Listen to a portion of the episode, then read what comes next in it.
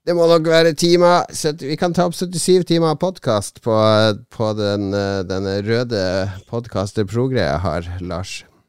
Hmm. Syv timer, det er en solid episode. Ja. Jeg så akkurat eh, la, oss, la oss bare snakke med en gang om hva vi har gjort siden sist. For i går så var jeg nede på Vega scene i Oslo. Uh, det er uh, Det er en sånn kultur- slash kinoscene. Litt sånn miljøvennlig bygg. Ligger ved, ved Blå, ved elva der, for de som kjenner det strøket. Hausmania. Eh, og der eh, jeg, sku, jeg var hyra inn, eller i hvert fall har blitt kontakta via Tilt. Eh, de, vi trenger noen som skal holde et foredrag om arkadespill, arkadespillkulturen. Kjenner du meg? Jeg sier jo aldri nei til sånn. Altså uansett, Du kan be meg om å holde et foredrag om hva som helst. Jeg kommer til å si ja. jeg, jeg, jeg er ikke noe frykt på sånne ting. Hvis, jeg, I hvert fall hvis det er noe tema som jeg kan litt, så er det helt greit. Helt greit. Jeg kan bidra, bidra til å løfte kultur. Eh, bidra, Jeg kan ha på meg Lolbua-genseren min, jeg kan plugge podkast, kan plugge Oslo kommune. Sier ja. Så jeg stilte opp, og det var en veldig kul eh, film. Eh, den het Kim Kanonarm. det handler om en danske som heter Kim Kanonarm. Det er da Kim Kanonarm! Ja, han heter Kim Kanonarm. Og uh, han skal prøve å sette verdensrekorden i å spille uh, Gyrus, eh, et arkadespill. Men han skal ikke bare sette verdensrekorden. Hans mål er å spille i 100 timer sammenhengende uten pause. Høres ut som en elendig idé. Men du må eh, Altså, jeg anbefaler alle den, nå. jeg må spare denne til anbefalingsspalten til filmen er tilgjengelig, for det her var på en dokumentarfilmfestival. Det er en dokumentarfilm om Kim Kanonarm og vennene hans. Han har så bra venner. Han ene er, har gitt ut fem poesibøker. Er en sånn skikkelig deprimert autist som skriver dikt. Eh, ganske bra dikt, og faktisk har han vunnet flere poesipriser.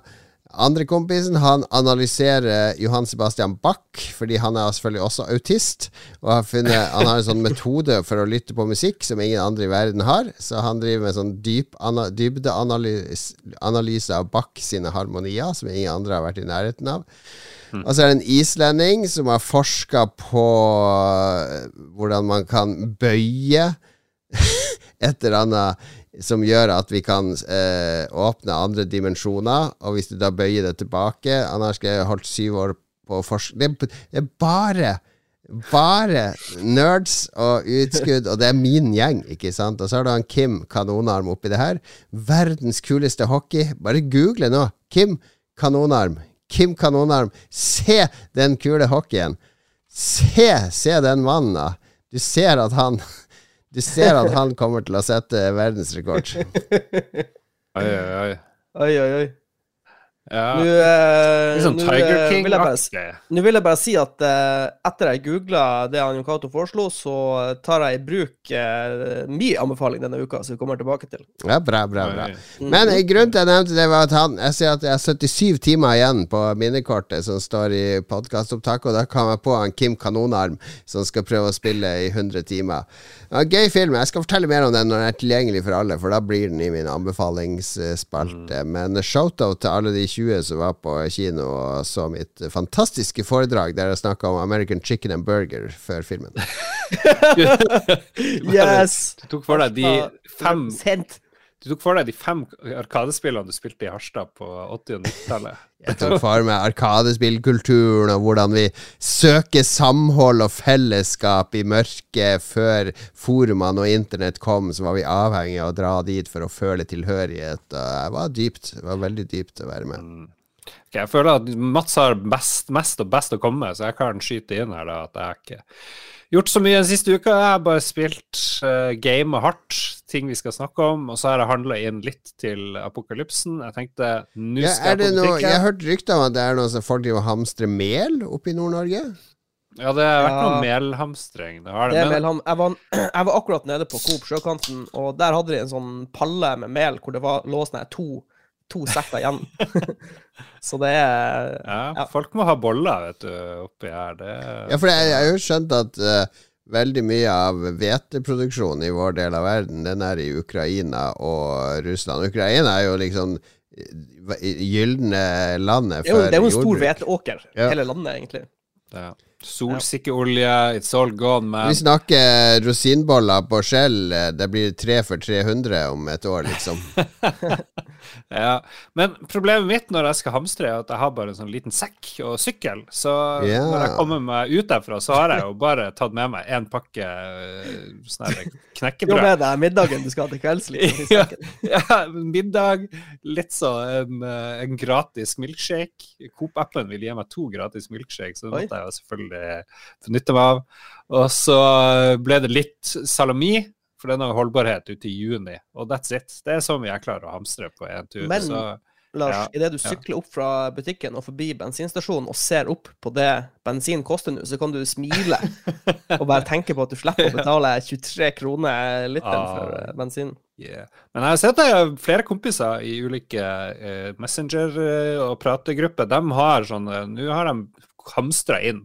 Nå er det joikakake, og nå er det ditt og datt. Men så tenker jeg OK, dere har litt. Dere hamstrer litt, men har dere, hvor mye tannkrem har folk hamstra inn? For det blir jo, det blir jo et helvete. Jeg ville bare hamstre tannkrem. Tannkrem og deodorant er det du har på ditt beredskapslag? Ja. sånn her hårgelé. Barberblad. Hvor mange barberblad har dere hamstra? Jeg, jeg har hamstra, jeg har dopapir, og jeg har eh, fulgt den beredskapspakken. Så jeg har vann og knekkebrød og hermetikk, og Jodix-tabletter har jeg skaffa til ungene, og litt sånne ting. Jeg, må- jeg må fortsatt ha en primus og litt sånne ting, så det er et artig prosjekt. Jeg har aldri vært sånn prepper før, så det er nytt for meg. Ja, men vår designated prepper, Mats, eh, hvor du ligger an i Nei, vi har eh, Nå er jeg jo oppe i utsikten hos folk. Mats vil ikke si det, jeg er redd for at det, noen sånne scavengers skal høre på. Hem, hemmelig, eh, hemmelig inventory-liste. Nei, altså, jeg kan- si at eh, vi- vi har eh, I dette huset så er det fire kjøleskap og tre frysere. Full size frysere. Så det er helt dust, dust mye foodstuffs. Så det er ikke noe man trenger å tenke på. Men det han Lars sier, sånne ting som hadde blitt problematisk for meg, er jo ting som engangslinse og liksom Ja, sånne ting man Ser du ingenting uten i linsen? Jeg har minus 4,75 og minus 5, så jeg, ja, jeg er blind as, blind as fuck uten Så det er skytinga di er helt verdiløs noen måneder ute i apokalypsen når du ikke ser en dritt? Jeg kan jo jeg kan jo ta på meg briller, men jeg hater, hater å bruke briller. Jeg er Ja. ikke noe brillefan. Så ja. mm. Hva med sånne sånne kule apokalypsebriller? Sånn, sånn som er sånn heldekkende? Ja, sånn, eh, sånn goggles. ja, vet du hva? Mm. Det, jeg har tenkt litt på det. Vi har jo, eh, vi har jo noen lyttere som jobber i uh, optikerbransjen. Ja, vi gjør er på, det. Tidligere på gjest. eh, hvis, hvis jeg skaffer sånne eh, combat goggles, går det an å få styrke i de? Det må jo være Klart det går, det. Det første Marius gjorde, En tidligere gjest, når han fikk eh, nyeste Swapper-gave, som var solbriller, var jo å bytte ut glassene i de eh, eh, verdens eh, de ikke Magnus. Ja, de, i de eh, relativt rimelige solbrillene med sånn ordentlig glass, så han kunne se ordentlig. Ja, ja. Jeg, jeg tror vi må kontakte han. Men uh, Mats, correct me if I'm wrong, men du høres litt sånn uh, Høres litt forkjølt ut. Ja, vet du hva? Jeg må bare beklage på forrige episode. Det var mulig jeg var litt sånn bitter forrige episode, for da hadde jeg begynt å bli syk, og jeg, jeg følte meg ikke helt i slag. Eh, på onsdagen så testa jeg positivt. På torsdagen så var vi i gang. Da var det, da var det snørrproduksjon ut av en annen dimensjon. Det var så mye snørr og slim, du aner ikke. Så hele torsdag og fredag var bare helvete på jord for min del. Eh, da var det ikke mulig å Det var nesten ikke mulig å sitte med PC, for det rant bare kon konstant, liksom. Så du har sånn ja. smekk, smekk sånn som barna der. Hvor du bare, ja, skulle hatt en sånn noe for å fange opp. Nei, og så var det var bare, Formen var bare elendig. Og så på lørdagen så begynte Da roa slimproduksjonen seg ned. Eh, Så da var det litt mer levelig. Men da begynte jeg å få sånn veldig sånn sensitiv hud på ryggen. Og så jeg liksom, hvis jeg satt i en stol, så var det liksom ubehagelig, for jeg hadde sånn sensitiv hud på ryggen. Så det var, jeg har vært gjennom sånn merkelig spekter av eh, symptomer. Jeg vet ikke helt Jeg testa positivt på covid, så jeg har jo hatt en covid-variant, men kanskje jeg hadde en ny. En ny Du har hatt en ny Jeg vet ikke hva jeg har hatt. Jeg har ikke testa positivt, men jeg har fremdeles ikke smakssansen. ordentlig folk for covid, eh, etablert for Ja. lengst. Jeg, går, men jeg- jeg testa meg i dag, vondt i halsen, ingenting. Jeg venta bare på at jeg skulle få det, fordi he seriøst hele familien vår har hatt det, og jeg har vært helt oppi det, så jeg måtte jo få det til slutt, da. Men jeg, bare, jeg var bare veldig fornøyd over at jeg ikke fikk noe sånn luftveisgreier. luftveisgreier, for jeg har jo astma. Så jeg er jo egentlig i risikosonen. Du har astma, astma og linse. Altså. Jeg tror du har spilt på feil kort med hvem som skal hjelpe deg til å overleve apokalypsen, Lars. En astmatiker som ikke ser, så Nei, Jeg har, aldri sagt at jeg er en nøkkelspiller under apokalypsen. Ja, det er sånn vi har Det er vi som har bygd deg opp til å bli den her spilleren, Mats. Jo, Eh, Beklager det. Det det fins rollemodeller, det er jo han i Morten Joe i, uh, i Ja, han er jo en astmatiker. Ja, ja, ja. Han sitter Ja, ja. bare mest i ro. Akkurat Jeg kommer til å bli han i Morten Morton Joe. Ja. Ja. Det er litt sånn oksygenmaske på. Altså, men det er det som er Husk at, eh, husk at dette, er, dette er bare sånn character traits jeg, jeg har som gjør meg unik i apokalypsen. Jeg er han som overlever, til tross for alle de dårlige utgangspunktene. Du har jo hatt medisinske problemer du òg, Lars. Du har jo sånn øye som driver og blør, sånn stigmata-greier. Yes, I do. Ja, her diskuterte vi i. Roffelbua denne uka. Min teori er jo at det er mormonerne og de her du har hatt på besøk, og, og lurt til å tro at du skal konvertere, så gjør du ikke det. Så nå er det Gud som straffer deg med at du blør fra øyet ditt. ja. Jeg er jo nærmest Gud av alle her, så jeg skjønner ikke. Jeg syns det er urettferdig. Er du det? Er du mest Ja. kristen her? Jeg er i hvert fall nærmest de kristne. Jeg har jo hatt dem på besøk eh, flere ganger. De har bedt for meg og greier. Ja. Apropos Guds vrede, jeg vet ikke om dere har fått med dere det, men det er en sånn stein i Japan som sprakk for to dager siden. Ja vel. Og er det da? Og det ryktes at denne steinen inneholdt sjelen til en sånn her eh, legendarisk eh, demonperson som eh, Oh, Nå har du sett for mye eh, Netflix God. i covid-feber. Nei, dette, dette, dette, var, dette var en turistattraksjon. Det har vært sånn her, den, er, den er kjempekjent. Eh, og den har, den, har, den har fått sånn sprekker sakte, men sikkert over årene. Og nå har den blitt delt i to.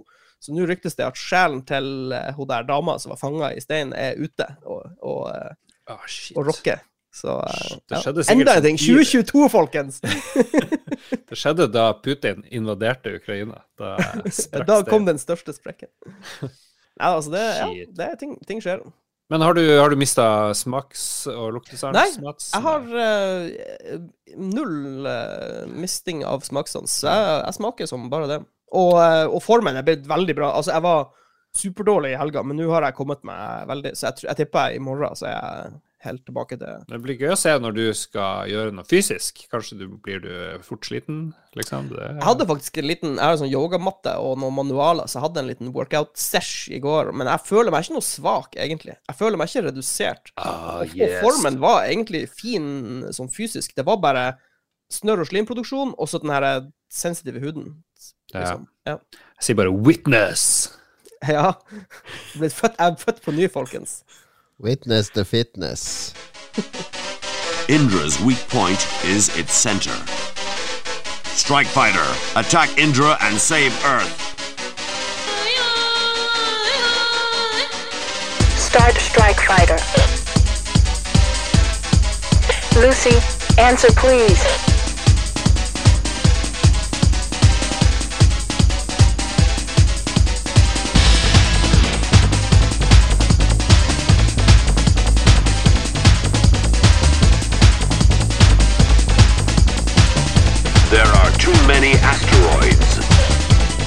Noen ganger så oppdager jeg Det er sjelden gang jeg oppdager spillmusikk som bare Fy faen, så fett! Det her må jeg jo spille. Og eh, for du som blir interessert nå, dette var litt gøy, da. Det var litt kult. A Burning Soldier heter spillet. Det kom til 3DO på 90-tallet. Åh, 3DO! Uh, Yes. Holy shit! Det hadde jeg glemt av eksisterte. 3DO, uh, Burning Soldier, altså. Jeg synes det, er, det er så fett soundtrack på det spillet. Det er mye sånn snakking. Uh, voiceover og sånt. eh, veldig dramatisk. OK, kult. Jeg husker, kult, jeg husker, um, husker dere den tidsepoken uh, når, det var, når alle leste Edge og det her, og så var det den perioden hvor det skulle komme så mange nye spennende konsoller? Ja, ja, var Atari Jaguar, 3DO. oh, det, var, det var så spennende! Det var så spennende å lese om de, og potensialet til de. Og så var det jo selvfølgelig kjempeskuffende når de kom, men liksom bare det, bare det teoretiske potensialet til de konsollene var så spennende. Stor plattformkrig, men det er ikke noen av de konsollene vi skal snakke om nå. Det er, vi- nå skal vi snakke om hva vi har spilt i det siste. Oh. Ja. oh, mama. Jeg har ikke spilt noe hoppe, nytt. jeg kan hoppe i det. Yeah, Jeg vil gjerne oppdatere min score av Elden Ring. Oh, yeah, en review in Hva heter det når de har sånn der uh, Review in progress. Progress. In progress. Ja, Ja. for nå har jeg spilt uh, Nå begynner jeg å nærme meg 70 timer Elden Ring, og det må helt klart justeres opp til 10 av 10, for dette er så absurd bra spill, og det har ingenting å si at det har noen sånne små tekniske finurligheter. Det har På den helheten så ha, det trekker ikke nok ned til, til å gjøre det. Jeg tenkte det du endte opp her. For det er sjelden du spiller spill i over 50 timer som fortsetter å overraske. ja. Som Og så har fortsetter jeg satt meg litt- å Ja, rett og Ja, slett bare beklager. ja. Nei, jeg, jeg satte meg litt inn i spilluniverset og eh, begynner å forstå litt over For de har lagd et ganske kult spillunivers som det foregår i. Mm. For når jeg begynte å spille, så tenkte jeg ikke så mye over det. Men jo mer du spiller, jo mer sånne små brødsmuler får du underveis.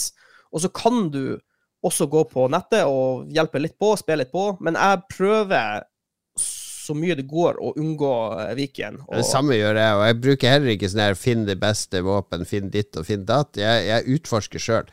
Eh, Ja, jeg har altså, prøvd ja. masse forskjellige våpen, masse forskjellige Ashes of War, eh, og bare gå rundt og sose. Men det jeg er litt redd for, er at jeg kommer til å feile noen av de her sidequestene. Fordi i de her Ring og Dark Souls, hvis du, hvis du progresserer for langt, så, så ofte så kan du ikke gå tilbake og fullføre de sidequestene. Men Ja.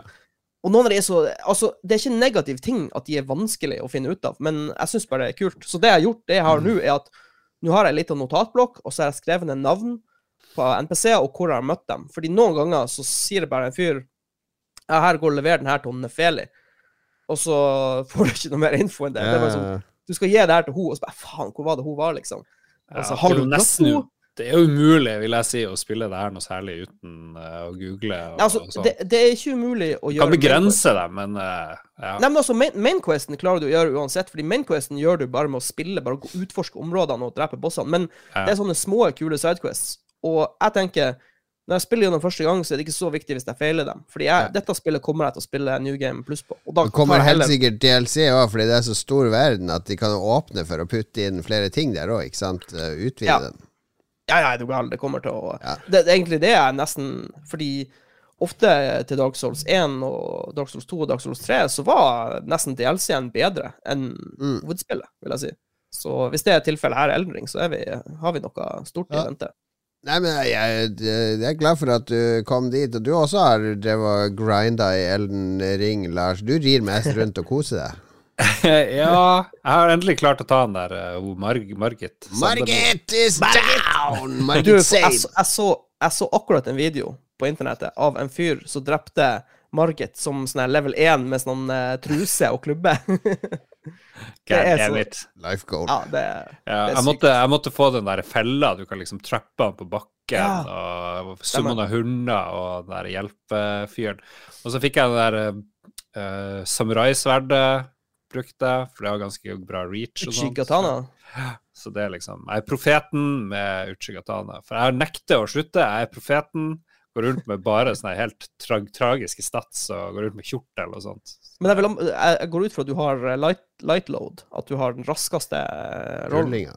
Jeg går rundt med sånn medium load, for jeg har jo null eh, strength. Kan, kan jo ikke bære noe, ikke sant? Å, du har så dårlig endurance. Ja, så jeg bør kanskje Men pumpe litt. jeg vil anbefale deg å prøve å sette noen poeng i endurance, sånn at du får light load. Fordi eh, du får det som er i nøkkelen Ikke bare får du raskere roll og lengre roll, men du får også flere sånne E-frames, som er et sånn snilt vindu hvor du ikke tar skade, på en måte. Ja. Jeg, nå står jeg fast på en, der, eh, en sånn ridder i et veldig mørkt rom inne i slottet, eh, ikke så lenge etter du Ja, han, går inn. ja, han, han som lukker døra bak deg når du kommer inn. Ja. Jeg, prøv, jeg prøvde å ta det med sverdet, går ikke, så nå prøver jeg med det klo-klås. Jeg har funnet sånne klås. Ja, det er Claws. Ja. De har jeg faktisk levela en, en del opp. De er, de er eh, de, eh, de er veldig bra på fiender som blør. Fordi hvis du dual-wielder de, så er det liksom tre eller fire hits, så får du de inn i sånn her eh, stance, eller hva det heter. Det er bare sånn! Da, da mister de masse helse, og så kan du slå de to-tre ganger til.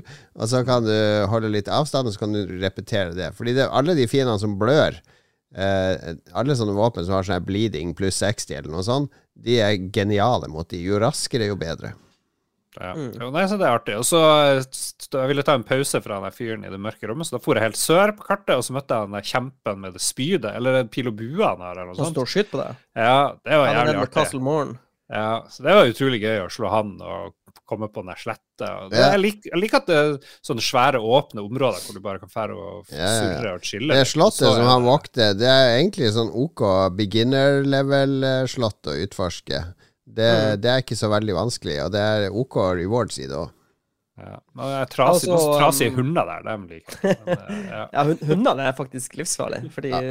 de er så, når de kommer i gang med angrepene sine, så er de så raske. De der shaggy-dogsene med lange Ja. Fy faen. Ja. Nei, men det, altså, jeg, dette er det beste eh, Miyazaki-spillet for meg, i hvert fall. Det er ikke noe tvil engang. Fordi det er så fantastisk kul verden de har lagd. Og det er åpenbart at de har brukt Tenk hvor mye tid de har brukt på å lage den verden. Altså, Det er jo helt vilt. Så ja, jeg føler det, det må belønnes med ti av ti. Fordi jeg leste på nettet det er noen som mener at, at det er overhypa og sånn, men skalaen er til for brukes. Du må gi noen spill ti av ti, Ja, og ja. dette er ti av ti-spill. Det Det er er så god tid så det går an å bli. Og da Ståle kan bare prøve seg å komme rekende med det der Sea of Thieves på slutten av året nå. ja. Sea of Thieves sin æra i Lolbua er, eh, er rett og slett over. kaputt. Nei, det er deilig å høre. Jeg tok ansvar fordi vi har fått så mye klager på Lars sin anmeldelse av Gran Turismo 7. Hvorfor får Lars koda, egentlig? Hva er vitsen? Det var litt sånn derre Det er jo for vår underholdning han får illojale lyttere. Ja, jeg, jeg har ikke fått noe kode. Jeg brukte litt Patrion-penger på å kjøpe det, faktisk. Eh, men til gjengjeld så har jeg spilt eh, snart ti timer oppi. Level Jeg husker ikke level. Tatt masse av de bøkene i kafeen. Eh, fått en hel haug med biler, og kjører nå litt sånn semisportsbiler. Og det er jo ganske gøy. Altså han Nathan Brown, som har uh, mailinglista Hitpoints, han kaller det jo for Han har en sånn kategori som han kaller for dad games, og dette er veldig sånn dad game. Fordi det er veldig lett å spille i sånn små bursts. Bare ta et løp her og der, slå av. Og så er det veldig sånn der eh, Det er jo biler. Altså, det er jo helt betatt av de bilene, ikke sant. Uh, det er noe sånn veldig Altså, de bilene er veldig ekte i Gran Turismo. Ja, det er noe sånn veldig hellig over det. Det er noe sånn der De putter de bilene på De tilber de bilene på en måte, og så er det den jazzmusikken og klassisk musikken. Jeg har et problem med musikken i det spillet, og det er, det er jo helt jævlig å ha på musikk når du kjører, så det har jeg jo skrudd av. Jeg orker ikke den japanske power metalen, eller eh, Det blir jo helt random hva du får. Jazz, et løp, power metal. Men det som irriterer meg mest, det at musikken skifter hele tida. Fordi når jeg er ute i den hovedmenyen, og så skal jeg gå inn på tuning shop, for jeg skal tune en bil litt, så den blir mer power, da kommer det en ny musikk. Så går jeg tilbake til hovedkartet, så kommer det en random jazzlåt. Og så går jeg inn på kafeen, og så kommer det en ny låt. Jeg tar et nytt mission, så går jeg tilbake til kartet, så kommer det en, en klassisk låt.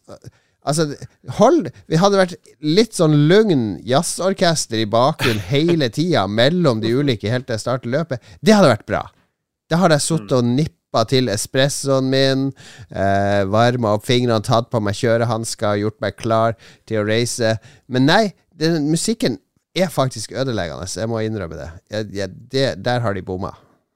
Ja, okay. De bomma. Det jeg lurer på, er Uh, Er det bare ben bensinbiler i Gran Turismo nå, eller har de elbiler? Det er også? Tesla òg. Ja, ok. ja, det, det er en Tesla Model S som jeg prøvekjørt der. Så det er noen elbiler. Og det er jo detaljnivået på bilene er veldig bra, men eh, Kanskje er det en såkalt uh, brannfakkel som jeg hater å bruke. Men det er jo ikke veldig bra grafikk sånn, på banene og sånn, syns jeg. Det, Oh. eh, og det- der leste jeg noe, Det er noen som har sammenligna PS4 og PS5-versjonen. De er nesten identiske, altså sånn grafisk. Det er ikke veldig stor forskjell på de. Det er, van, det er nesten umulig å se forskjell hvis du ser de ved siden av hverandre i et løp. Eh, så tidligere, tidligere har jo Gran Turismo vært på en måte de som har dytta ja, det er ikke det nå, fordi det er strengt tatt Jeg må være enig med Ståle. Det er litt mer imponerende i Forza Motorsport eh, 7, det nyeste. Ja. Det, er, det, det er hakket kvassere. Selve bilene er like bra i Gran Turismo, men ikke omgivelsene. Baner. Det er noen sånne baner når du ser på det overview shots. Det er liksom Parkeringsplassen er en flat tekstur der de har malt på biler, liksom. Ja, men jeg tror det er sånn japansk eh, De tilgir det der. der. Det er litt sånn Ja, jeg, det er ikke et stort problem, men jeg går og tenker på Hvis de hadde utvikla det her kun for PS5, så kunne det ha vært uh, enda mer mind-blowing grafisk. For, Altså er det noen baner òg. Den der Tokyo Highway Det er jo basically et PS3 Det ser ut som jeg spiller et PS3-spill, og det er greit. Det går greit, fordi det er kjørefølelsen. Den der eh, haptikken i kontrollen, den ristinga her og der. Jeg har jo ikke spilt det med ratt, for jeg var jo så dum at jeg kjøpte Når du kjøper sånn der eh, Logitech-ratt og Trustmaster-ratt, så må du jo velge om du skal ha det som er PC og PlayStation-kompatibelt, eller det som er PC og Oh. Xbox-kompatibelt. For det går ikke an å ha begge deler. eh, Jesus lord. så mitt er jo Xbox-kompatibelt, og jeg orker Men- ikke å kjøpe masse nytt for å få spille. Altså, det skjønner jeg ikke. Begge er jo Altså, begge er jo USB, og det er som Cola og Pepsi, vet du. Du kan ikke ha begge i restauranten. Ja. sant? Eh, men det jeg liker, jeg har jo spilt det bitte litt, og det jeg liker som kanskje ikke har vært på GT Grand Turismo Sport og sånt, det er jo at du kan oppgradere bilene dine, men på en veldig sånn eh, supercars-måte. Du har sånne ulike stages. Du har sånn eh, Du kan få litt sånn eh, litt hardere sp- suspension, og så får du lov å unlocke litt enda bedre suspension. Og så, Du trenger ikke kunne noe teknisk, du bare kjøper. Du bruker poengene. Ja, men det er en fordel å, å kunne noe teknisk der. Fordi hvis du bare oppgraderer motor og, og gjør kar karosseriet lettere og giringa bedre og alt sånn, og så bare Yes, nå er det nok power. Og så har du glemt å oppgradere bremsen, så får du en bil som kjører så fort at eh, bremseeffekten er Altså, du må jo oppgradere Ja, litt helhetlig, har jeg funnet ut. Det er ikke bra. Men det er bare bra. Jeg liker det detaljnivået der. Det, det er kult. Og så er det Men det finnes sånn RPG-elementer å kunne oppgradere bilene dine. Da. Ja da, ja da. ja da Jeg liker det kjempegodt. Jeg spiller det uh, hele tida. Jeg tar meg en halvtime her og en halvtime der. Eh, spilte det mm, flere ganger i helga. Altså En annen ting jeg ikke liker, er jo at du kan ikke selge biler lenger. Det har du jo kunnet i alle tidligere Gran Turismo-spill, fordi det er jo biler som koster 4-5 millioner credits. Og jeg tjener jo 10 000, 15 000, 20 000 credits på et løp. Så du kan begynne å regne ut hvor mye løp du må kjøre og vinne Sånn for å kunne kjøpe den bilen. Og før Ja. Får jo kasta biler. Jeg har jo hele har jo et hel uh, parkeringshus på Oslo S full av gamle konebiler og japanske råtne uh, bakhjulsbiler og alt mulig sånn som jeg aldri kommer til å bruke. Men jeg kan ikke selge de. Det kunne du før. Før kunne du selge de, ikke sant. Ok, jeg tar halve bilparken min, dumper den, så kan jeg kjøpe den eh, Ferrarien til tre millioner. Det kan du ikke nå. Jeg skjønner ikke hvorfor. Eller jeg skjønner jo hvorfor. Fordi du, du, du kan jo kjøpe credits for ekte penger, selvfølgelig. Er mikrotransaksjoner. Kanskje du Kanskje du unlocker han Jay Leno litt ut i spillet, og så kommer han og kjøper bilene dine. Jeg kan jo håpe det. Fordi Eurogamer har regna ut at skal du kjøpe eh, Nei, det var en eller annen britisk avis som hadde regna ut at skal du kjøpe den dyreste bilen i spillet eh, med mikrotransaksjoner, så koster den 170 pund. Altså What? 1700 kroner må du kjøpe i in game credits Oi. For shit. å kjøpe den dyreste bilen i spillet. Det er sånn er Star det. Citizen uh, Ja, altså Ja, det dette er eh, Dette har gått under radaren på mange anmeldere, men det er Lolbua. Vi er spillbransjens vaktbikkje. Ruff, ruff, who let the dogs out? Who, who, who, who, who? Vi sier ifra når noe ikke er riktig i spillene. Veldig bra. Nei, men det er bullshit. Jeg er enig. enig. Men spillet er bra. Jeg koser meg. Altså det, det irriterer meg ikke så mye at jeg ikke kan eh, selge biler og kjøpe de store, for jeg får biler hele tida. Jeg har nok av biler å kjøre. Og det er ofte ikke de her superbilene som er gøyest å kjøre heller. Det er litt de topptrimma golfene og sånne ting. Det er litt morsomt å kjøre de. Jeg Vet ikke hvorfor jeg har slutta å spille? Fordi jeg får vondt i hendene. Du får får du kan, ikke du kan ikke skru ned intensiteten for å bremse og gasse, tror jeg. Du må liksom du, eh, holde inne den jævla Du er så svak i pekefingeren at du ikke Ja, klarer jeg å har jo trykke i den. konstant senebetennelse i alle ledd. Har du sånn arthritis, eller hva det heter? Jeg vet ikke. Det begynte med, med Halo. Ja, du blir Halo, en sånn lich når du blir gammel, så går du rundt sånn Det eh, hvor- Hvordan er det i familien din ellers med leddgikt, Lars? Det er jo genetisk. Jeg tror det er ingen som har det. Det er bare meg. Det er bare du, du er den første. ja, Jeg vet ikke om det er leddgikt. Det er bare mer betennelse, konstant betennelse. Konstant i, betennelse. eh, ja, det er slitsomt. Ja, et spill til jeg vil dele, som jeg har kosa meg veldig med nå, eh, post Elden Ring. Eh, det heter Triangle Strategy. Det er et strategispill, eh, strategirollespill på Nintendo Switch, laga av Square Enix. Og Det er eh, samme fyr som lagde Octopath Traveler, og sånn som jeg skjønte, flere av folka som jobber på Final Fantasy Tactics. For det er et sånn type spill. ikke sant? Er Story, story, story, story, og så blir det kamp, og da er det sånn stort rutenett med med, med soldater som skal gå rundt rundebasert, og man må dekke hverandre og har uh, ulike komboer og sånn. Og det er supersjarmerende, og det er litt sånn rart, fordi det er liksom 80% dialog og 20% kamp.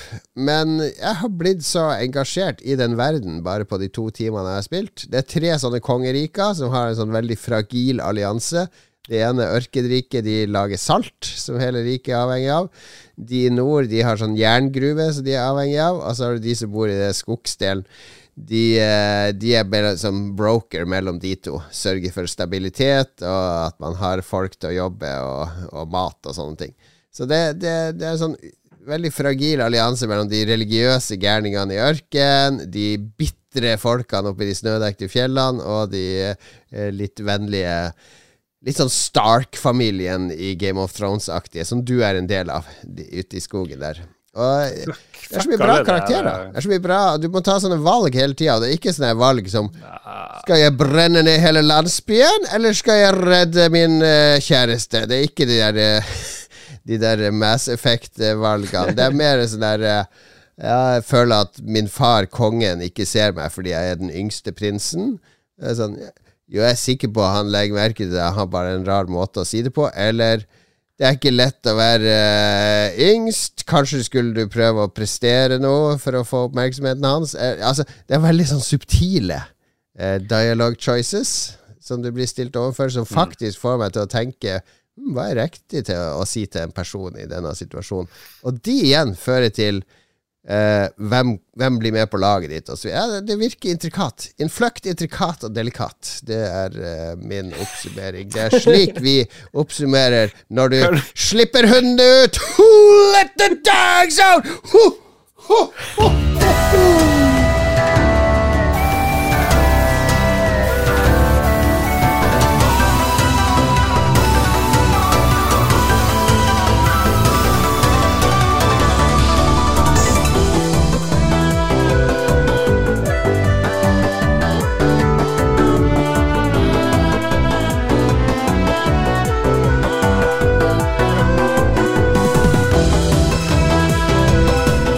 Jo si ifra hvis det blir litt mye Jon Cato i monitor.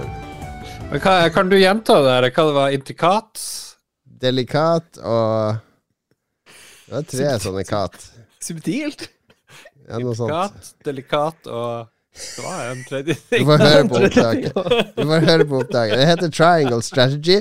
Gått litt under radaren, for det har vært så mye storspill i det siste. Men det er en, en perle på Switchen. Spiller det på Switch OLED. Ah, jeg ligger i senga og koser meg med det hver kveld. Etter å ha spilt masse Elden Ring og midt oppi det, så det å ha et spill hvor det er 80% dialog og 20% action og sånn, det høres jo helt forferdelig ut. Det er en slags detox fra den intensiteten. Ikke sant? For i Ellen Ring så går du jo rundt og er på tå hev hele tida. ikke sant? Mens her kan du virkelig legge deg tilbake og, og slappe av og gruble. All right. Ja da. Vi skal kåre Norges beste spillmedie. Er dere klare? Ja, det blir Lolbø. Ferdig. Det står jo mellom to. Vi hadde jo to veldig hyggelige redaksjonssjefer på besøk i forrige Eller i episode 100 av Spillrevyen. Det var Audun Rodem fra gamer.no og E- Erik Fossum fra pressfire.no. Og nå skal dere få en sånn blindtest, rett og slett. Dere trenger ikke kan, kan, Vi kan gå inn på gamer.no, og så skal vi ta de fem øverste sakene. Skal dere gi terningkast. Hvor, hvor eh, bra sak er det her? Og så gjør vi det samme på Pressfire, og så har vi en sum, og da har vi kåra Norges beste spillmedie. Er det greit? Jeg liker det. Og Da får vi også snakka litt om de sakene de har. Så hvis vi begynner på gamer.no, det toppsaken der er jo nå at Xbox, Epic, EA, Activision Blizzard og flere stanser spillsalg i Russland, skriver journalist Andreas Klebo Espe. Superaktuelt. Ja. Ja. Jeg liker det. jeg liker det. Saken ble lagt ut klokka 07.40, så det betyr at det har gått snart tolv timer uten nye oppdateringer. Det er jeg litt skeptisk til. ja du, Men okay. du forventer mer hyppighet. Ja, hvis du skal drive med nyheter, du kan liksom ikke vente tolv timer mellom hver gang du deler en sak, men eh, ok. Det er ikke det viktigste. Men kanskje, kanskje, kanskje den har vært lenger ned på lista, og så har den akkurat kommet opp igjen. At den var der i morges, og så har den vært litt nede i lunsjtiden. Og så Ja, har den disse kommet fram igjen. algoritmene. Ja. Eh, Vet ikke. Ja, vi får, Ja, ja. vi får, det er ikke det som er viktig. Er saken, er saken relevant? Er dette noe som Ja. du hadde klikka deg inn på for å lese? Ja. Det har med krigen å gjøre. Ok? Terningkast på saken, uh, uh, Lars. Jeg har ikke lest den, jeg kan ikke gi terningkast. Overskrifta holder jo. Overskrifta. Terningkast på overskrifta. Ja, overskrift til tema. Krigen i Ukraina. Eh, ja, Spillselskaper stanser spillsalg. Jeg går, eller jeg går rett for en femmer, altså. Ja, Dette er noe ja. du må lese. Eh, Fem fra Lars. Og hva blir det fra deg, Mats? Kun basert på jeg, lurer på om jeg ruller en femmer, jeg òg. Fordi jeg føler det er superrelevant. Og så er saken veldig kort. Jeg er snart ferdig å lese den, så jeg, liker sånne saker. Yes, on point. Da tar vi eh, toppsaken på Pressfire, så har vi sånn running score. Det er altså ti poeng. Plusser terningkastet deres sammen. Det er ti poeng til, eh, til gamer så langt. På Pressfire er toppsaken Nå er det over og ut for PlayStation 3! Snakker Erik Fossum eh, om. Eh, Sony Ja. stanser all support neste måned. eh, og ja, fra og med 30. april blir det ikke mulig til å få offisiell hjelp til å fikse 16-åringen. Det er litt artig at den er 16 år gammel. Ja. Det, og den her ble lagt ut eh, ti over fem i kveld, så den er jo Veldig fersk sak. Enda mer fersk. relevant, ja. Men eh, ja Det er kanskje fire. Skal jeg være litt snill. Fire. En firer, ja. ja. Ja. Jeg tror jeg faktisk jeg må komme med en, en kjølig treer. For jeg føler, jeg føler jeg bryr meg veldig lite om PlayStation 3. Såpass, ja. Ok. Pressfire sin PS3-sak. Det ble da syv. Så det er ti-syv til gamer så langt. Da tar vi neste gamersak. Halo Infinites samarbeidsmodus blir forsinka, skriver samme Andreas Klebo Espo. Den la han ut eh, i morges klokka 6.36. Så den er el Shit, han var tidlig på han. Ja, de, de bare putter putt ut saker på morgenen, tydeligvis. Ja. Kanskje, de, kanskje de jobber sent på kvelden, og så bare pumper de det ut, og så går de og legger seg. Og Er så, ikke Ja, Ja. Det er lurt å ha en sak ute når folk våkner, så vet de at du må bestandig sjekke den nettsida når du våkner, for da er det bestandig nytt. Så det er lært mye bra, det. av å jobbe i media, Lars. Yep. Men jeg gir veldig lav terningkast her. Samarbeidsmodus i hele Infinite. Ja, er- fordi det var en stor greie når det ble lansert, at er de spillet ble lansert i litt sånn uferdig versjon.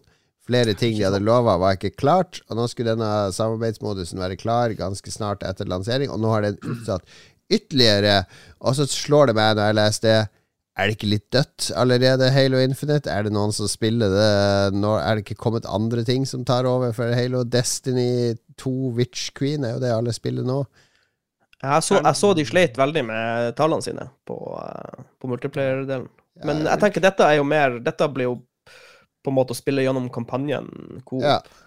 Så, og det har jeg faktisk lyst til å gjøre. Eh, Jeg har, mer lyst til å spille denne kampanjen Coop enn jeg har lyst til å spille vanlig multiplayer. For jeg, jeg, blir ikke helt bitt av den multiplayeren. Men Coop-en Multiplayer var klassisk og gøy, men eh, altså, det var veldig fort eh, man ble mett. Ja, det gikk fort over. Gikk ja. fort over. Ja. Ja. Ok, det var ikke en toer fra Lars på det, da? Ja. To, to ganske lav. Ja. Okay, Jeg kan gi jeg gir den treer, da. Ja, ok. Ja, det ble bare fem poeng. De er oppe i 15 poeng eh, da gamer. Fortsatt en solid ledelse i det vi tar Pressfire sin sak. Her kommer Lars til å hoppe i stolen. Ja da! Gir ut nyversjoner av de gamle Little Big Adventure-spillene. Den har jeg Eh, allerede klikka på tidligere i dag. du har allerede vært inne og lest den. Midt i målgruppa, rett og slett.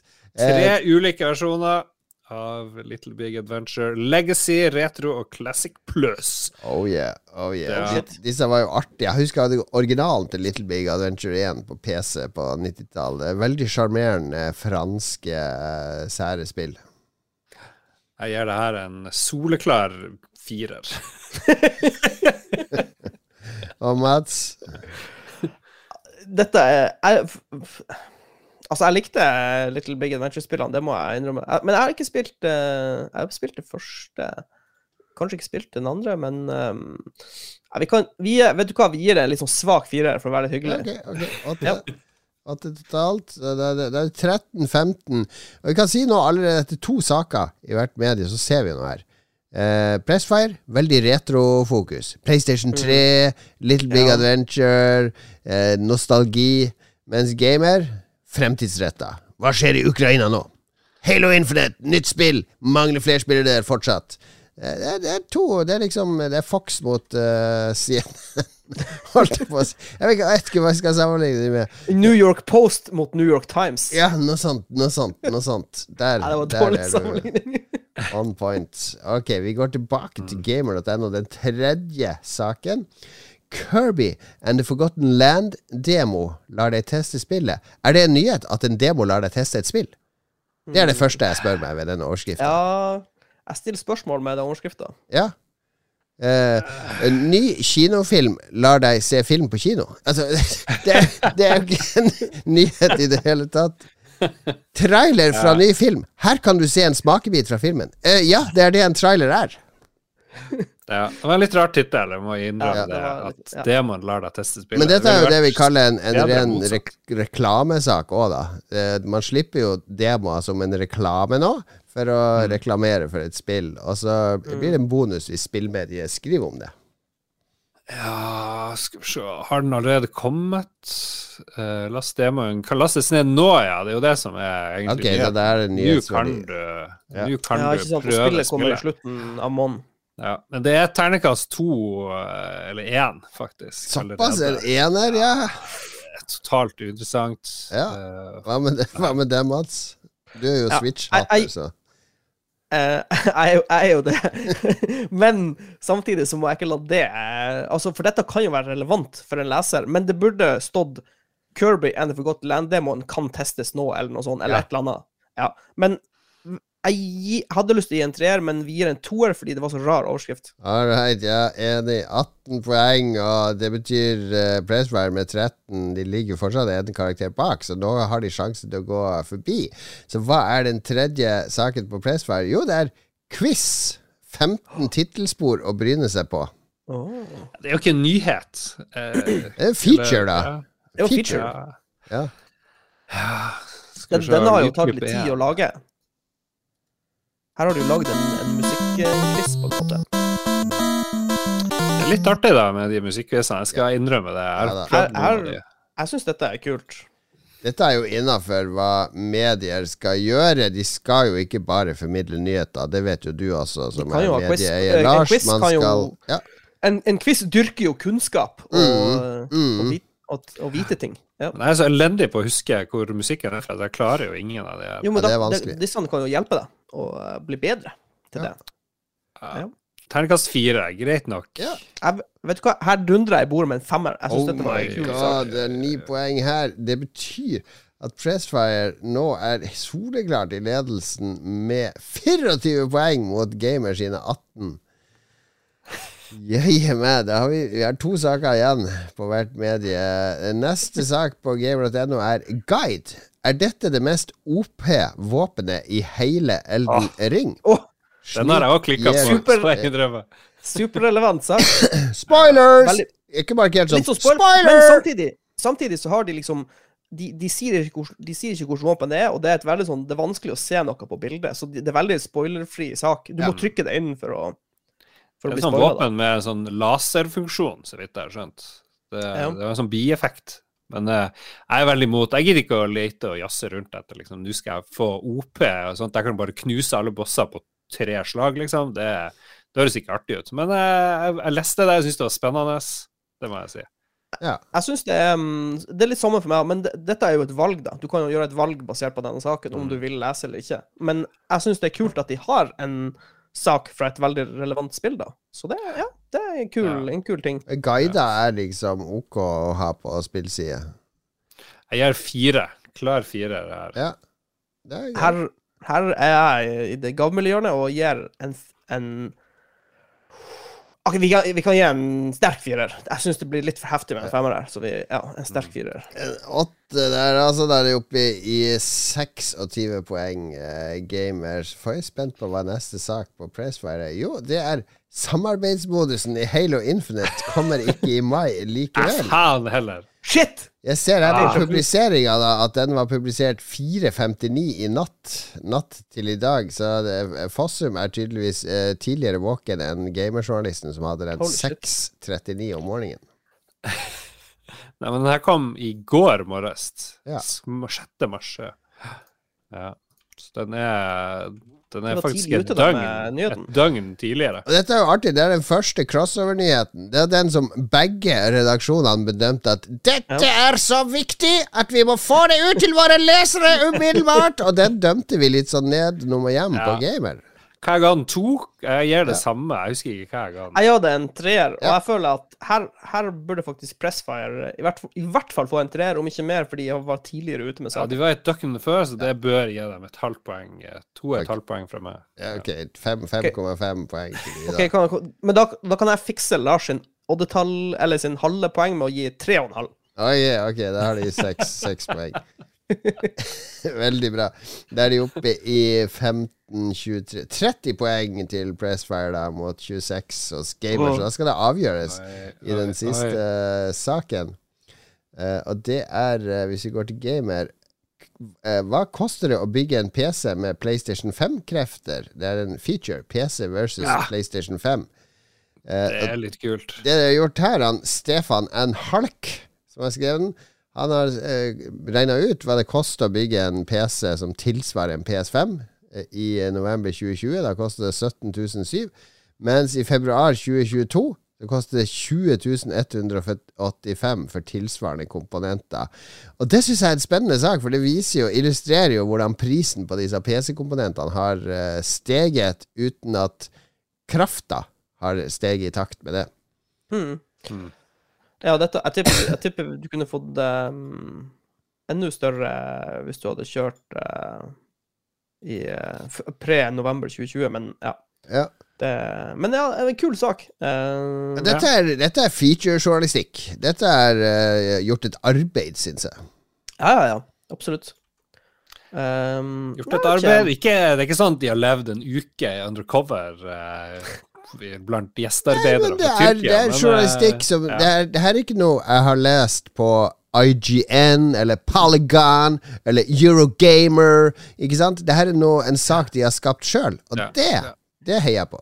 Ja da, jeg respekterer det. Dette er i hvert fall en femmer. Jeg vet ikke Jeg, er også, jeg tenker også femmer. men- All right, all right. Det blir den andre tieren her. De er oppe i 28 Hva blir det? 36 poeng endte da gamer.no med. Og da er vi spent på å se hva Nå hva klarer Erik Fossum å redde inn dette. Siste sak i Pressfire. Stortinget stemte over dataspillspørsmål! Dette er norsk, det er lokalt, det tar pulsen på spillbransjen i Norge. Eh, nemlig eh, et representantforslag som skal omhandle et løft til den digitale spillkulturen. Og eh, de hadde seks punkter i forslaget. Alle ble stemt ned. Ja. Ja. Jeg reagerer litt på Stortinget stemte over dataspillspørsmål som tittel. Det burde være noe Burde ha vært litt mer for å prøve å lokke inn flere. For det er ikke så mange som Mange stopper på Stortinget og stemte og dataspillspørsmål. Det er liksom flere sånne ord som støter bort folk, egentlig, her. eh, Ja. I min vurdering. hadde hva hadde vært en, en killer-overskrift her, Lars?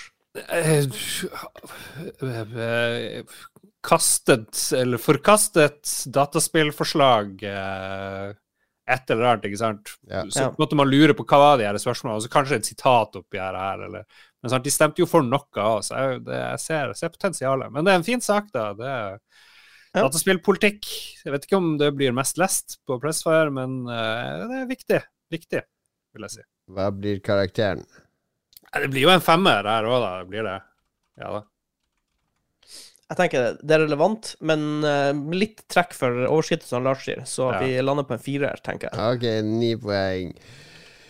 Skal vi se, det var 36 til gamer. Hva blir det da?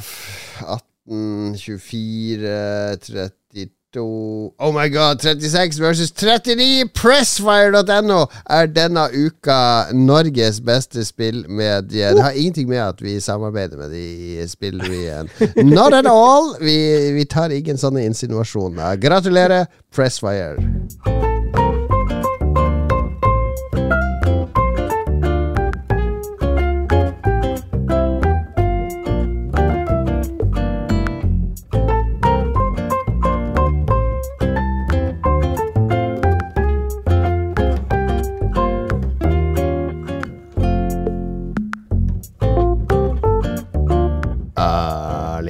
Klingetona fra Animal Crossing der det var balsam for sjela i starten av covid, eh, det spillet. Det hjalp mange. Det var ikke dumt, nei. Sjø. Ja, bra spalte jeg fant på på sparket der. Neste uke så skal vi ta I Harstad mot Harstad-Tine. Ja, det gleder jeg meg til. Let's go. Let's go, baby. Vi skal anbefale stuff og ting. Jeg har den mest relevante, så jeg kan begynne. Fordi på Netflix så ligger det en film som heter Winter on Fire.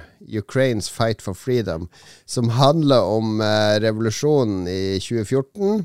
Da han eh, tidligere presidenten som lurte hele Ukraina ved å love yes, nå skal vi samarbeide med EU, vi skal inngå EU-avtale, vi skal søke medlemskap. Og så på bakrommet så drev han jo bare og deala med Putin. Eh, vilt med korrupsjon. Og så eh, Han lurte jo hele folket ved det samme dag som de skulle signere med EU, og sånn, så bare Nei, nei, vi signerer med Russland. Jeg ombestemte ombestemt oss. og det ble jo til en revolusjon. Folk samla seg på et sånt der um, torg i byen. Flere og flere folk samla seg. Ble sånn, de var jo der i, i mange, mange dager. Og så ble de jaga bort av politi med kølle, men så kom de tilbake, og så bygde de barrikader. Altså, det ble mer og mer sånn der eh, eh, militært, på en måte, med skjold og hjelmer og ikke skytevåpen, det hadde de ikke. Det var det bare de forsvarsstyrkene til det ukrainske regjeringa som hadde.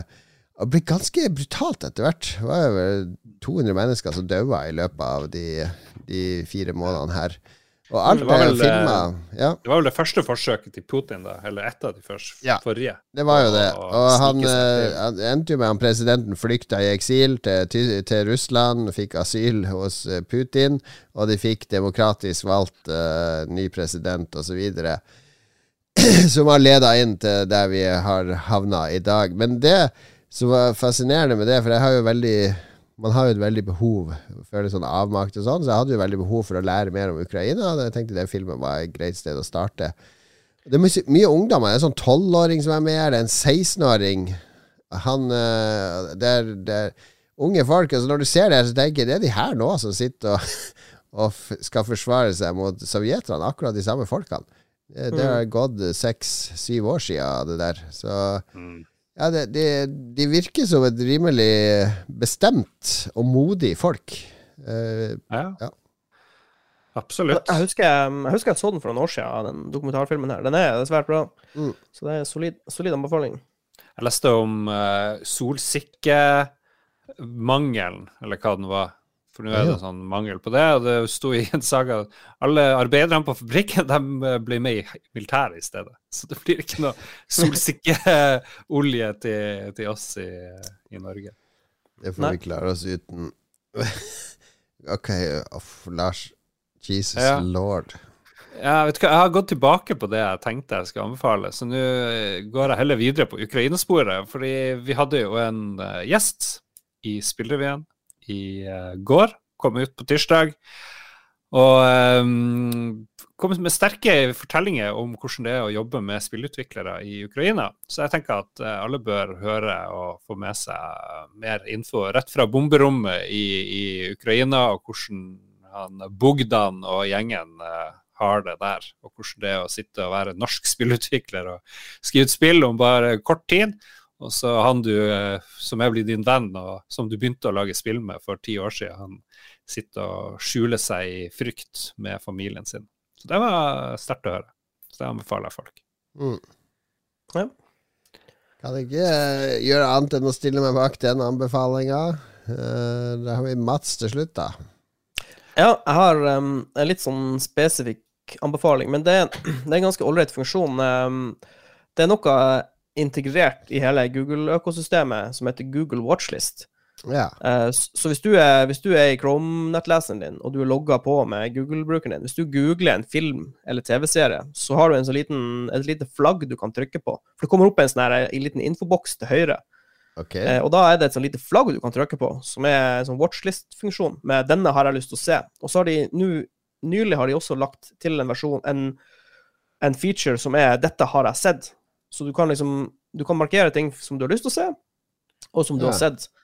Uh, men uh, Og det, det er en helt OK sånn kjernefunksjon. Uh, du kan også gå inn på Hvis du bare skriver 'My watchlist' i Google, så kommer du til faktisk watchlista di. Men det som gjør det virkelig bra, er hvis du har en enhet, enten en Android eller en Google TV-enhet, som støtter Google Watchlist, så, så kan du få det opp på TV-en din når du skrur den på. Så er det så er det i linje med dette er ting du har lagt til i watchlist, og så merker han automatisk hvis du har en tjeneste hvor du kan se den filmen, eller se den TV-serien. Så hvis jeg har liksom lagt til en film jeg har lyst til å se, og så setter jeg meg, skrur jeg på TV-en min, og så går jeg ned For det er jo flere sånne karuseller. Du har liksom Continue Watching anbefalt, og så har du en som heter My, Watchlist, og da henter han inn de tingene som du har i nettleseren din, eller hvilken en enhet du var på, lagt til i watchlisten. da. Så det jeg har brukt det de siste par månedene, og det har fungert overraskende bra. For plutselig så dukker det en film opp på en strømmetjeneste som ikke har vært der tidligere, og da, da kommer den inn der, på den karusellen. Yeah. Så det, for det Jeg sliter litt nå med at jeg abonnerer på ganske mange forskjellige enheter. Eller jeg beklager, strømmetjenester. Du har liksom HBO Max, Disney, yeah. Amazon Prime, Netflix, eh, Viaplay og, eh, yeah, altså, Det blir så mange, så jeg sliter litt med å ha det der oversiktsbildet. Og da, hvis jeg, hvis jeg er flink å bruke denne funksjonen på filmer og TV-serier, så burde jeg ha ganske bra eh, kontroll på det. Jeg lager liste over ting som jeg kommer over, tips til ting jeg bør og sånn. Jeg har hatt, jeg har hatt sånn Google Docs-greier sjøl, men hvis, denne, hvis, denne, eh, hvis dette fungerer sånn som jeg tror det fungerer, så, ja, så eh, kommer det til å hjelpe meg, i hvert fall. Ok, Google Watchlist. Spiller vi igjen av Winter on Fire, Ukraine's Fight for Freedom. Lars trenger ikke sånn Google Watchlist. Han bare sett på Missing in Action eller Out for Justice eller Nico. Så er han fornøyd. Mm, 80-tallet forever.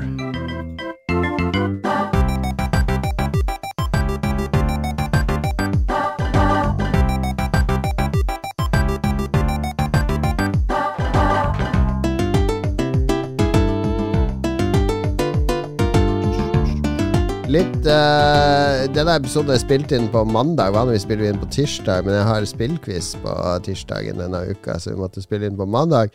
Og da har vi glemt å samle inn lyttebidrag. Hvordan skal vi løse det? Vi kan jo bare reide fått- raide andre podkaster sine lyttebidrag. Det har vi gjort før. Det kan vi gjøre, men vi har fått åtte innspill. Jeg vet ikke Ja, hvor bra okay, ja, men da tar du de. Vi kan kikke. Skal vi se først. Simen Rudløkken lurer på om tamburin er det undervurdert. Det, vil Vent litt, jeg, jeg må google tamburin, for jeg glemte av hva det er. det er sånn, der, sånn som En sånn tromme med Åh. sånne små tallerkener rundt Ja. ramma, og så slår den, du på ja. den, og så blir det sånn uh, bom-lyd, samtidig som det blir sånn krr-lyd. Krr, krr. Jeg vil si det, det, det, Den har nok sin gode plass i musikkverden. Jeg som har korpsbarn I hele livet mitt Det har vært tamburiner i ulike settings. Du har kommet i barneselskap eller eh, musikktimene på skolen og sånn. Hver gang jeg tar opp en tamburin, så tenker jeg 'yes!' Og så slår jeg to-tre ganger på den tromma, og så bare All right, that's it. Okay, det var begrensinga til det instrumentet. jeg skal ramse opp noen sanger som bruker tamburin. Eh, Wheels Hey, med Mr. Tambourine Man! Det er til og med vi har en hel sang til en tamburinmann. Her er Whe- Wheels med Foo Fighters, bruker tamburin. Go Your Own Way, Fleetwood Mac. Eh, California Dreamin', Mamas and Papas. Nice. Sherry Sherry med Neil Diamond. Uh, Daytripper med Beatles. Hey Jude med Beatles. Ja, det er jo vanlig sånn der bak Men er det en tamburin som er tromme, eller er det bare den ringen? Fordi den ringen fungerer jo egentlig bra. Det er ofte vokalisten har litt sånn Ja, lite å gjøre. det er jo med sånn skinne på toppen og de her eh, klare ja, det er, det er det jeg også tenker på. For det fins jo også Ja. en som er Jeg uten tenker bare på den håndholdte som vokalisten ja, går rundt. Han har lyst til å være litt med, ikke Ja. sant? Under en gitarsolo. Ja, men jeg tror, jeg tror tamburin er sånn Det, det er perkusjon eh, Ja, det er et perkusjonsinstrument, men det, det er jo Ja. et triangel òg, er jo et perkusjonsinstrument. Ja, det er sant. Triangel, Det er bare du slår på det. Tenk at, jeg lurer på hvem som klarte å overbevise det norske skolevesenet om at alle klasser burde ha en triangel stående klar. For det klarte de. veldig klar tone. Men eh, nei, tamburin er bra, den. Spesielt i Bob Dylan-låten. Kom igjen, Lars, få høre. Hey, Mr. Tambourine Man, play a song for me.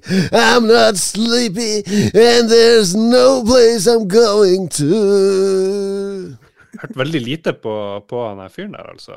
Kan du ikke Jeg så sånn Bob Dylan hyllestkonsert fra 90-tallet. Det var litt gøy. Fordi det var jo Den er jo 25 år gammel siden den var spilt inn.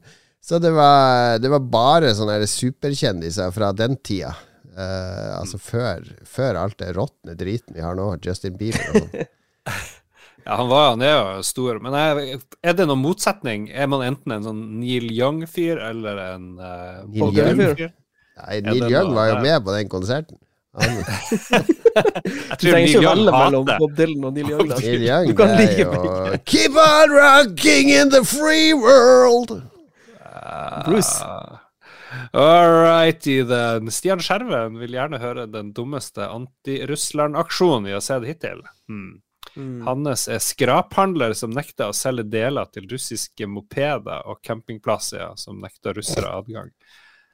Ja, det er jo det er et godt spørsmål. Hvor mye skal man fucke med Russland og deres innbyggere for å markere og tvinge dem til å slutte å angripe Ukraina?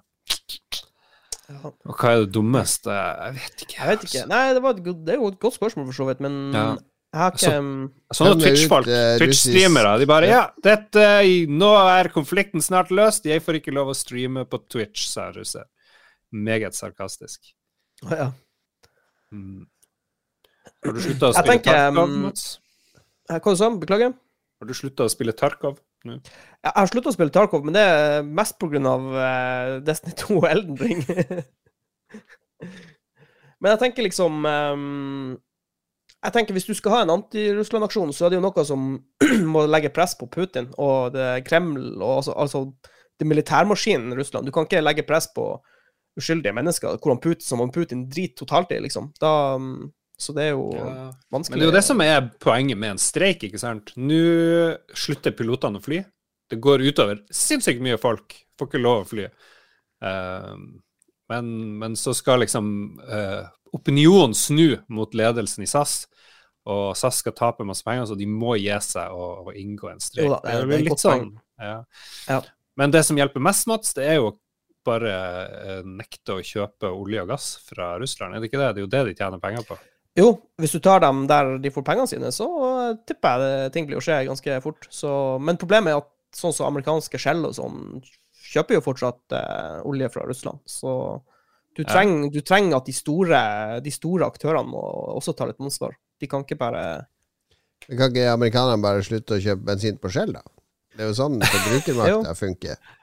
Jo, men problemet er at jeg tror Shell, altså Shell raffinerer jo drivstoff og sender det ut til masse forskjellige bensinstasjoner i USA, så du kan ikke bare, bare dra på Shell-stasjoner, liksom. Eller slutte å dra på Shell-stasjoner. Men, eh, de er her, eh, men, men lastebilene og båtene og flyene eh, som, som frakter oss ting, som vi er helt Ja. avhengige av, de kan vi vel ikke bare sette på bakken?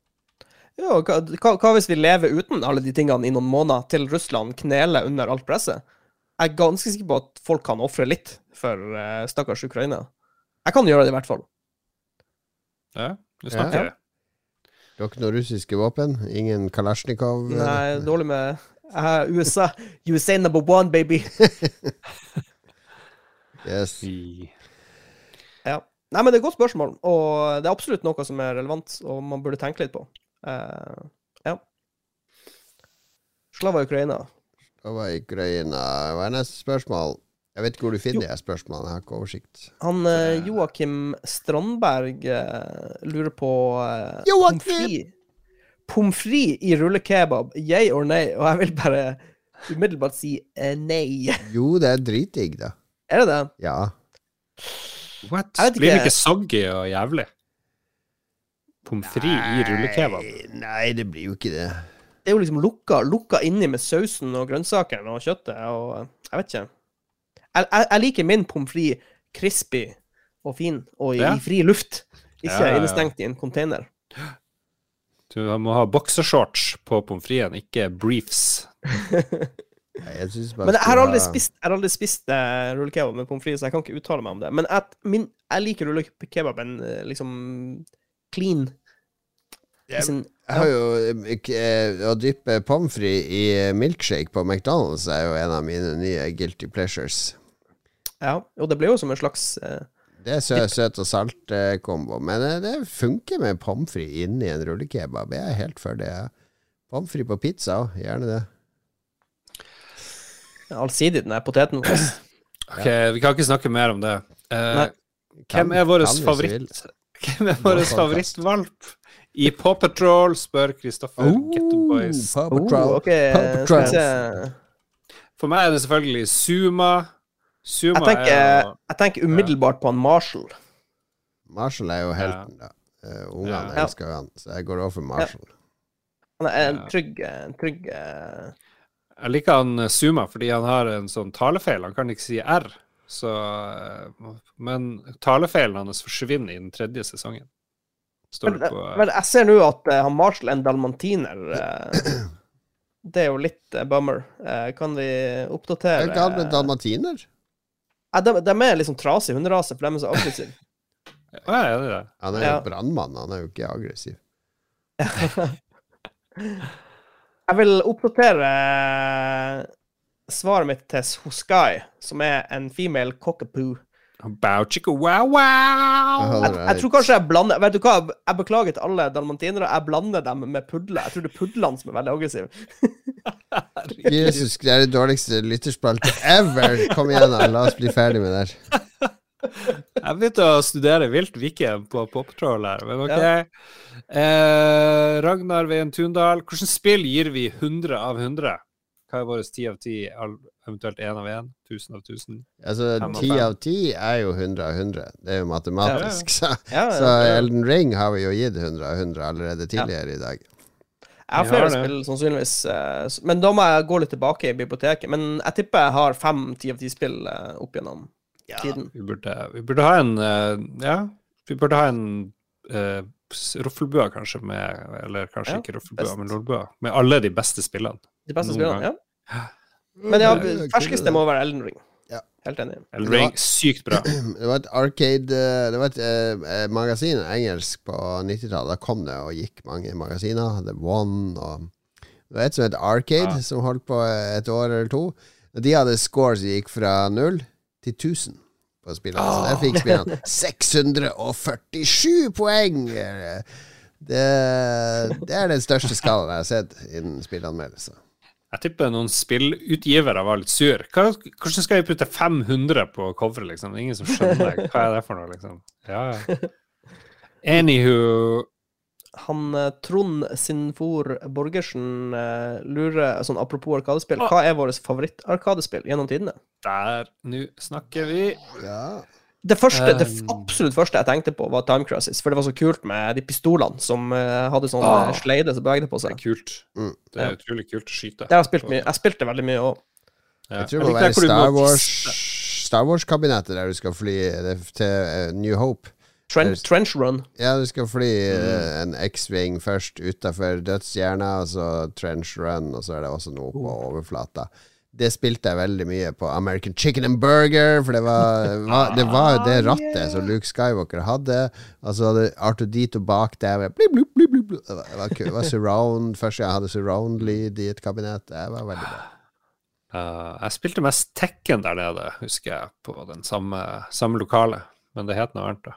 Men, Åh, uh, ja. jeg kom, nå kom jeg på um, et arkadespill jeg likte veldig godt, og jeg husker ikke hva det heter, men det er sånn beat em up hvor du kan spille han Punisher og masse sånne forskjellige Marvel-helter, Wolverine og Ja, men jeg husker ikke hva det heter. Det, det, Det- spilte jeg mye. Det jeg syns så kulest ut, og som jeg ville være god i, det sto på Spiderman eller noe sånt. Det var det der X-Men-arkadespillet. Ja, ja, ja, Det ja. så Det var kult. sykt bra ut. Oi, oi, oi. Det hadde jeg Optic på Blast. Saturn. Husker jeg. Optic Blast! Optic Blast! uh, Tom Isaksen lurer på hva er det beste bu- butikkølet? Det må vel være et utenlandsmerke, sier han. Men uh, ja, det, det er litt vanskelig spørsmål, fordi det, du får så mye øl i butikkene nå som Eller mener han liksom Ja, eller hva menes egentlig med butikkøl? Fordi du får jo ganske eksotisk øl i butikken. Men er det går på- beste butikkølet han er ute etter? Det kanskje må være Han tenker sikkert på Carlsberg, på Tuborg. Er det ikke sånn? Ja, er det butikkøl han er ute etter? 1664. han, sier, han skriver butikkøl, Ok, ja. Nei, så blir ikke på polet, da. Ja. Nei, da blir det jo blå Frydenlund. Det er min go to, da. Men krise, nå skal jo det CB, skal ikke det legges ned? Lunka CB, Lars! Det er livet, det! Jeg tenker jo bare på det, jeg har aldri drukket noe CB. Jeg har bare hørt deg rope der, lunka Det er jo faren til Mette-Marit i den der eh, Han Svenno i den der filmen 'En helt vanlig dag på jobben'. Da kommer han med den. Han vil gjerne ha øl av lunka. Det, alkoholikere vil jo det, fordi da slipper kroppen å bruke energi på å varme den opp. Du tar opp alkoholen fortere når den er lunka, enn hvis den er kald. Holy shit. Det er veldig trist. Det er derfor du varmer opp tåteflaska til barnet. Ikke sant? Spedbarn som skal ha melk. Det er derfor du varmer den opp, for da får du mest næring av melka. Hvis den er kald, så må de bruke kropp Det er ikke noe farlig å gi dem kald melk, det er bare mindre effekt. Uh, Isbjørn Light går jeg for eh, min, min all time, for tiden favorite. Jeg syns alle sånne light-øl smaker Er det noen sånn metallsmak av de. Ja, kan det være at de er i sånn metallboks? Nei, det er jo ikke det. Jeg drikker jo av glass. Mm. Frydenlund har jo ikke sånn Men det er noe, jeg er med på det er, det er noe sånn på- gluten Det mangler gluten ofte, ikke sant? Det mangler gluten. Frydenlund sitt, blå, sitt blå fatøl er faktisk eh, veldig smooth. Ja, den er veldig god. Ja, støtter classic. den. classic. Ja, ja. Var det det? Hvis, ja. Uh, nei, skal vi se Don't mention the war, sier Morten Bengtstok Olsen. Ok, Og til slutt Hvis podkasten ikke hadde hett Lolbua, hva skulle den hete da? Vi hadde jo en del alternativ, men jeg husker ikke helt hva de var. Husker du det? Det var du som kom på Lolbua, husker jeg. Det var ditt Ja, ja, ja, det var det. Hva var det vi tenkte på? Eh, Navnet er jo alltid vanskelig, men Lolbua rasjonalet bak det var jo at det var en, en japansk eh, otaku, en gamer, som kom, kommer til valfart til Tromsø for å besøke rorbua, og så med litt sånn rasistisk dialekt så blir det Ah, Lolbua! Jeg vet ikke, var det det? Ja, så var det vi Lars og det. Lorentzen-bua. Ja. Var den andre kroken. Eh, og så er det jo at rorbua er nordnorsk, så vi ville ha en Ja. litt sånn nordnorsk forankring. Det er jo LOL og Ja. Rorbua. Jeg vet ikke, jeg tror, For meg var det ikke noe rasistisk. Tenkte dere på roffelbua noen gang? Nei, det er jo bare en naturlig arvtaker. av har vi ennå ikke laga. Roffelmaobua. Hva ville du kalt podkasten, Mats, hvis du fikk bestemme? Aggressivt dårlig. Men det er, noe, det, er mye, det er bra navn på noen podkaster. Spillmatic syns jeg er veldig bra, fordi det er hiphop og spill, og så er det jo den ikoniske plata til Nas som heter Illmatic. Så Spillmatic er veldig bra der. Og så har jeg fått med meg at det er en ny podkast som heter Spilluminati. Den syns jeg òg er bra. What? Nei, Det er bra navn. Det er inspirert. Nei, det, det kom tilbake om 100 episoder. Det er helt klart. Ja, dette var det med Dette var det. Vi må takke produsentene, og nå må vi takke de i en eh, veldig pro-ukrainsk måte. Mm. Onbjøt! Er det pro-ukrainsk å si 'er det bit'? Ja, det. Hørte du ikke at det var en ukrainsk aksent? Ja, det kan godt hende. Stakkars ukrainere. Ja, eh, leve Ukraina, Krallnord. Slava Duk Jarlsberg. Slave? Ja, har du slave? Jørn Helge Nilsen Jørn Helge Nilsen er jo en eh, nesten en Steven Segal. Så jeg vet ikke hvor det ligger i landskapet, men OK. Eh, Sukka Kenneth, eh, Kenneth Kobelkar 84 med sånn eh, gul og blå stripe. Blå og gul stripe, beklager. Ja. Onkel Stian eh, bruker 5000 bitcoin på å leie Assassins ro i Ukraina. Uh, Shant 59 uh, med en stjålet russisk tanks. TTM-eksempel TTM-eksempel står for trykk i trynet med maks power. Yeah, baby. Veldig bra. Og bare sånn til slutt alle lyttere. Vi prøver å tulle og le og alle sammen. Vi er, har frynsete nerver, vi òg. Um, lider av eh, Hva heter det? Maktesløshet er vel det jeg og du snakka om i sted, Lars.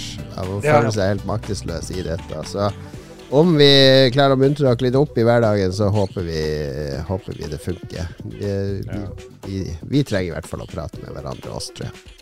Ja. Tusen takk for alle som hører på. Vi Ja. setter jo pris på det. Takk til alle som støtter oss på Patrion. Nå kommer det reklamefrie versjoner av Roffelbua, av uh, Lolbua, Ragequit, Spillrevyen og Lykkos univers og alt på Patrion først, før alle andre. I Yes. teorien. Takk for oss. Skal ha du noe, Mats? Kos, kos. Kos, kos. Kos, kos. Fri Ukraine!